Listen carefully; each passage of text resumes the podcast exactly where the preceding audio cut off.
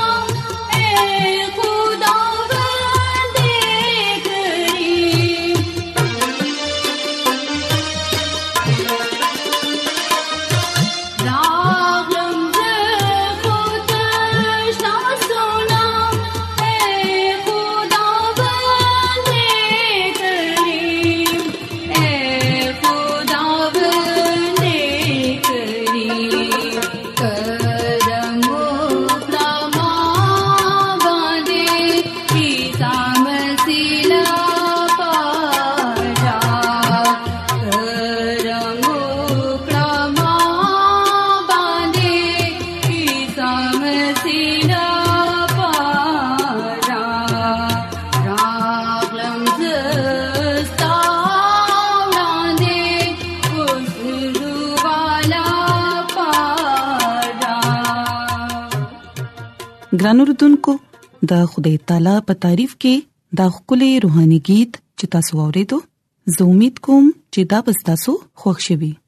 اوس دا وخت دی چې د صحت پروګرام تندرستي لوي نعمت ته تاسو په خدمت کې پېښ کوو ګران اوردونکو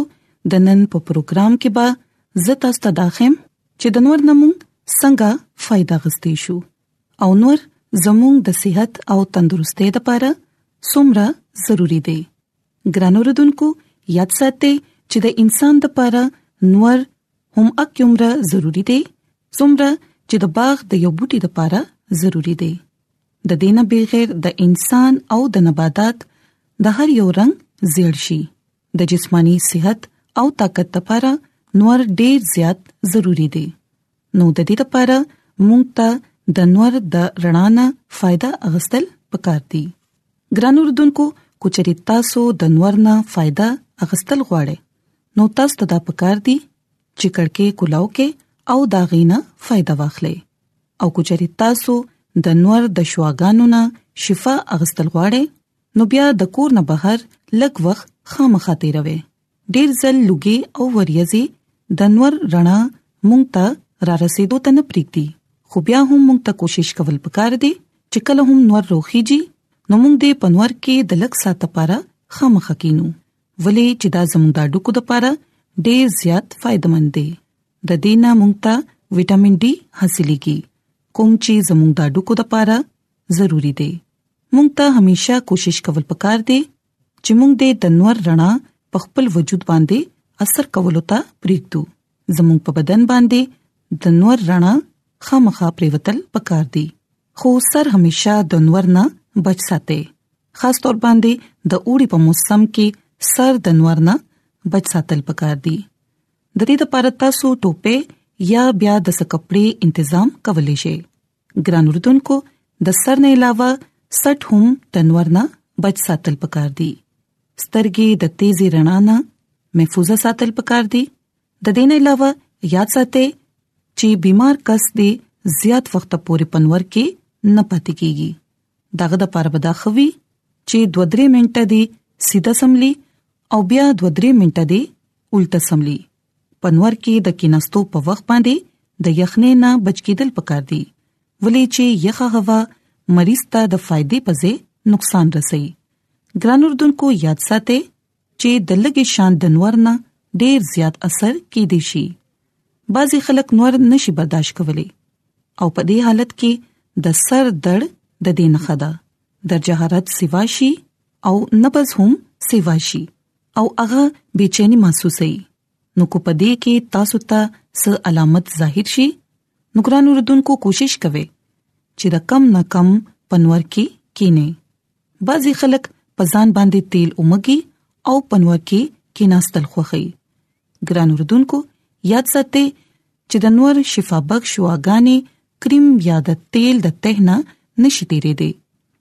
بلکې اغي هغه جذب کړي او بیا زموږ بدن ته هیڅ قسمه فائدہ نه رسی ګران اردوونکو دا ویل کیږي چې نور او هوا په وینې کې سپین خلیات په تعداد کې اضافه کوي او همدغه خلیات د بدن محافظ دي او د بيمارۍ حمله مقابله کوي نو نور سره سر خلیات هم بهتري نشي او طاقت سیوا شي او مریض ته سکون او فایده رسی یاد ساتي چې د نور د ټولو نه غټه فایده ده دا چې هغه زموږ په اخلاق باندې هم اثر غورځي زموږ خالق نسل انساني د ضرورت نه واقف دی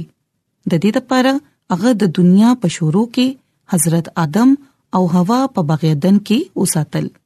او اغي ته نور او خوشگوار ماحول ورکړیو ګران اردوونکو دا د قدرت تنظیم دی چې چرته د یوې بيمارۍ جراثیم سیوا شي الته نور اغي تبا کړی مونږ ګورو چې زموږ په مهذبه خارونو کې تر اوسه پوري ځخاناله کلوخ کاری او ځخوالي پاغوي کې پروت وي د سبزیانو د دکانونو سره غوخه خرڅولو والا دکانونو په مخ کې او د میانو د دکانونو سلور طرف ته دومره بوی وی چې باز وخت خو پوزا هغه د برداشت کولو نه انکار وکړي ګران وردونکو کوچري خدای تعالی د نور پشان بخشش مونږ ته نور راکړي نو بیا پته نه لګي چې د جراثیمو با تر اوسه پورې څومره خلک مړ کړیو نو موږ ګورو چې نور زموږ د پاره په هر شان فائدمن دي دا د ډیرو جراثیمونو خاتمه کوي د دې لپاره دا ډیر ضروری ده چې نور ته دې مونږ په خپل کورونو کې دراتلو اجازه ورکړو ترڅو هغه دې تازه هوا سره شامل شي او خپل کار دې په ښه شان وکړي خپل بسترې او خپل کټونه په هفته کې یو ځلې خامخا پنور کې روباسه ګرمي جامې او نور سيزونه ته هم نور کې کې خودل پکار دي خاص تور باندې چې کله مریض د بيمارۍ نه خشي نو دا غټول سيزونه یو سور زو د پاره پنور کې ساتل پکار دي ګران اردوونکو د نور پرانا کې اوه رنگونه وي خو پدې کې صرف د اودي رنگ چې دی هغه کې د جراثیم مړکولو طاقت وي نو د دې لپاره کوشش کول پکار دي چې د نور نه زیات نه زیات فائدہ اوچت کړي ولې چې نور زموږ د صحت او تندرستۍ لپاره ډېر زیات ضروری دی نو ګران اردوونکو زه امید کوم چې تاسو به د نن د صحت خبرې خوښی شوي وي او یقینا په دې باندې عمل کولو سره به تاسو د ډېرو بيماريانو نه شفا حاصل کړئ او صحت او تندرستي به هم حاصل کړئ زموږ د دعا ده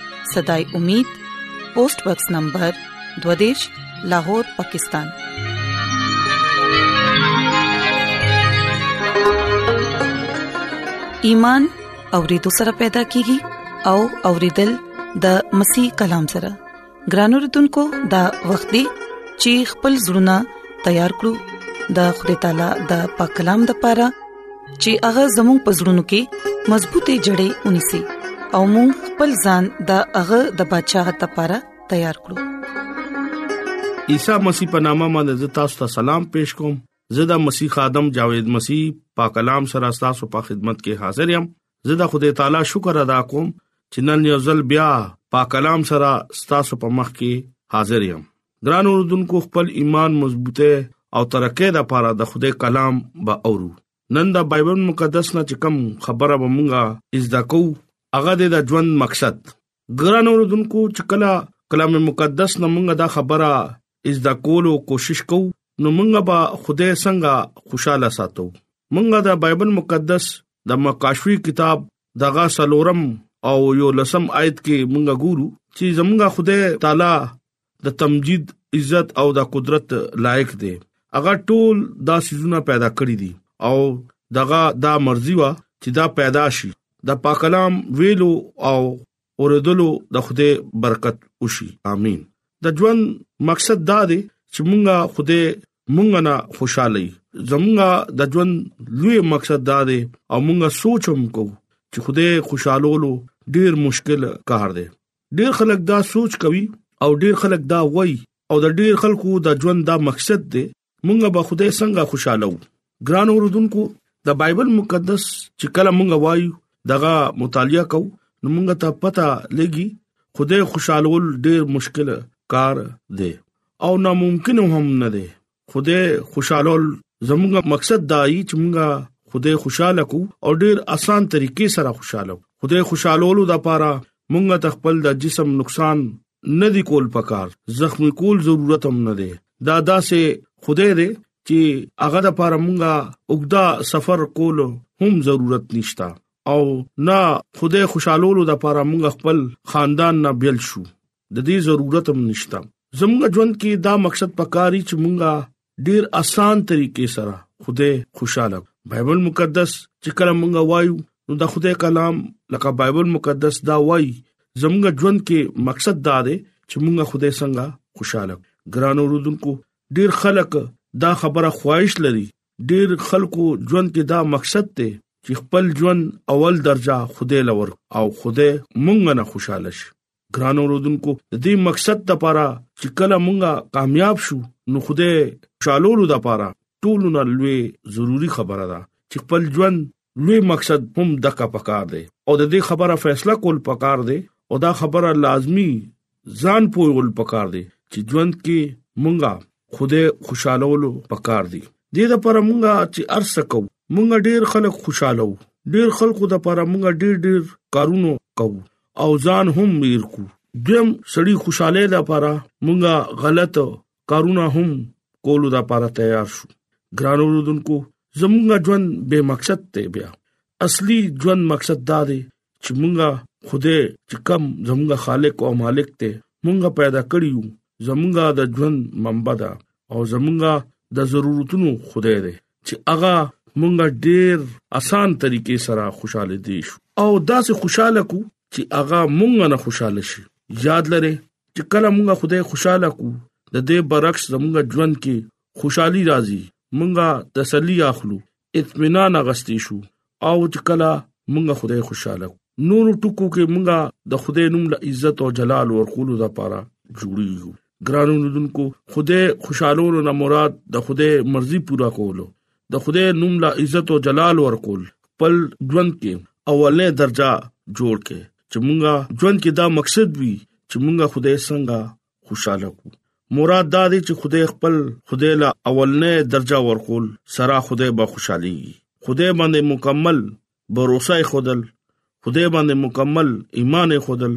دا زموږ ژوند مقصد پکار دی نو کله چې زموږ ژوند مقصد کې دا خبرې وي نو خدای مونږ نه با ضرور خوشحاليږي هغه به زموږ د ژوند حصہ هم جوړي با چې کله موږ دغه حکمونه منو دغه کلام باندې عمل کوو نو خدای موږ نه ضرور خوشاليږي خدای خوشالولو مراد دا دی چې خدای سره وفادار پاتې شو ګران اوردونکو د بایبل مقدس نمونږ ډیر داسې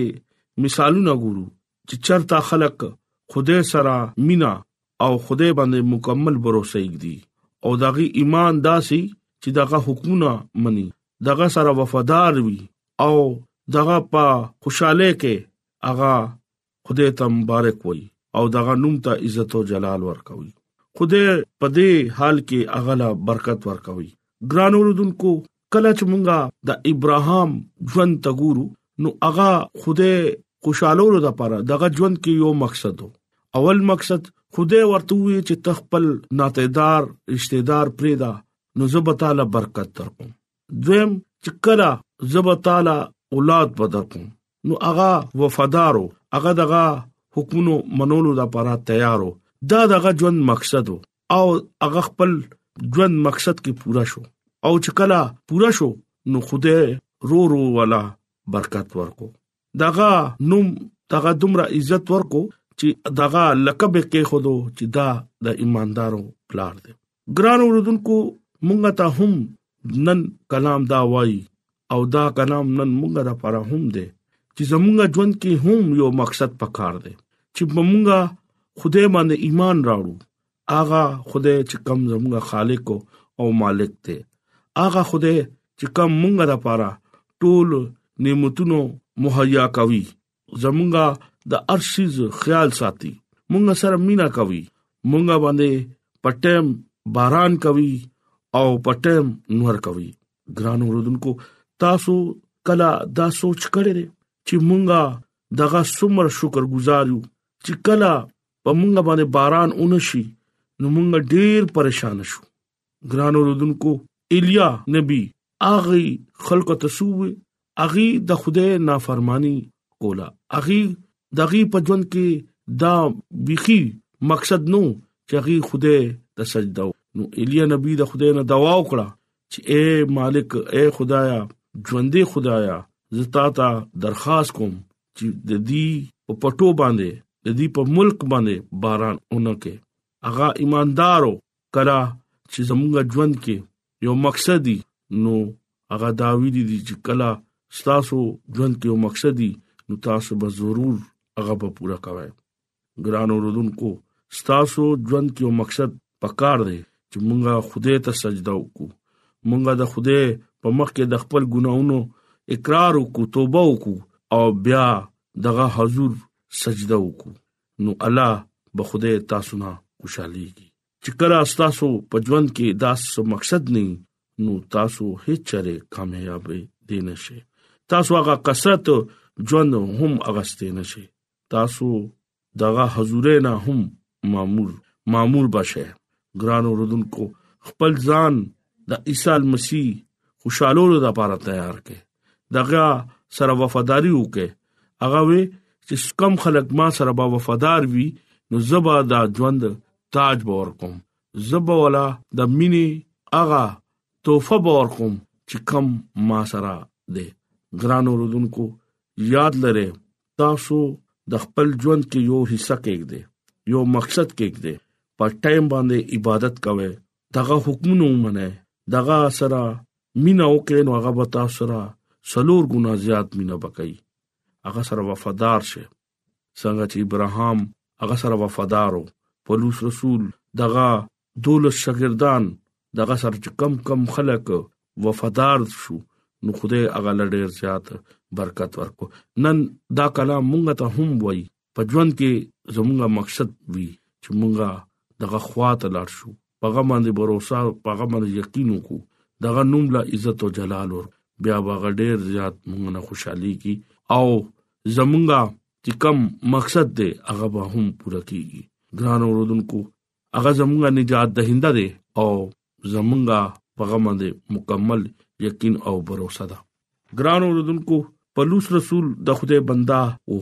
چې کله دغه په ژوند کې یو مقصد رالو نو هغه خدای باندې ایمان راړو او خدای هغه سره دومره مینا وکړه دغه نه سمره خوشاله شو نو خدای ولا سمره اختیار ورکو تاسو د پاره خدای هم تیار دی چې کله تاسو زرنا عیسی المسی باندې ایمان وروړي نو هغه با تاسو سره مینا بکای تاسو ته به اختیار ورکوي او هغه اختیار تاسو په دنیا کې استعمالول شي ګران اوردونکو نن ډیر خلک دي چې داغه په نوم باندې لوی لوی معجزات کوي لوی لوی اجتماع کوي ګران رودونکو ولې دغه په ژوند کې یو مقصد ته چې مونږه د خدای نوم لا جلال ورکو مونږه دغه قربت کې راشو مونږه دغه نه برکت والو ګران رودونکو ځان تیار کې او د ګنا نه ځان بچ کې او حقیقت وګوره چې کله مونږه حقیقت باندې روان شو زمونږ په ژوند کې سم مقصد شي نو خدای به الله مونږ نه خوشاليږي او مونږ له به خدای برکت باور کوي هغه وای چې ته خپل ټول زړه سره خپل ځان سره خپل عقل سره او خپل طاقت سره خدای خپل خدای سره مينو اوساته او ته خپل پړوسی سره خپل ځان برابر مينو اوساته نو ته د خدای په حکمونو باندې عمل کې نو خدای به تا نه همیشه همیشه خوشاله وي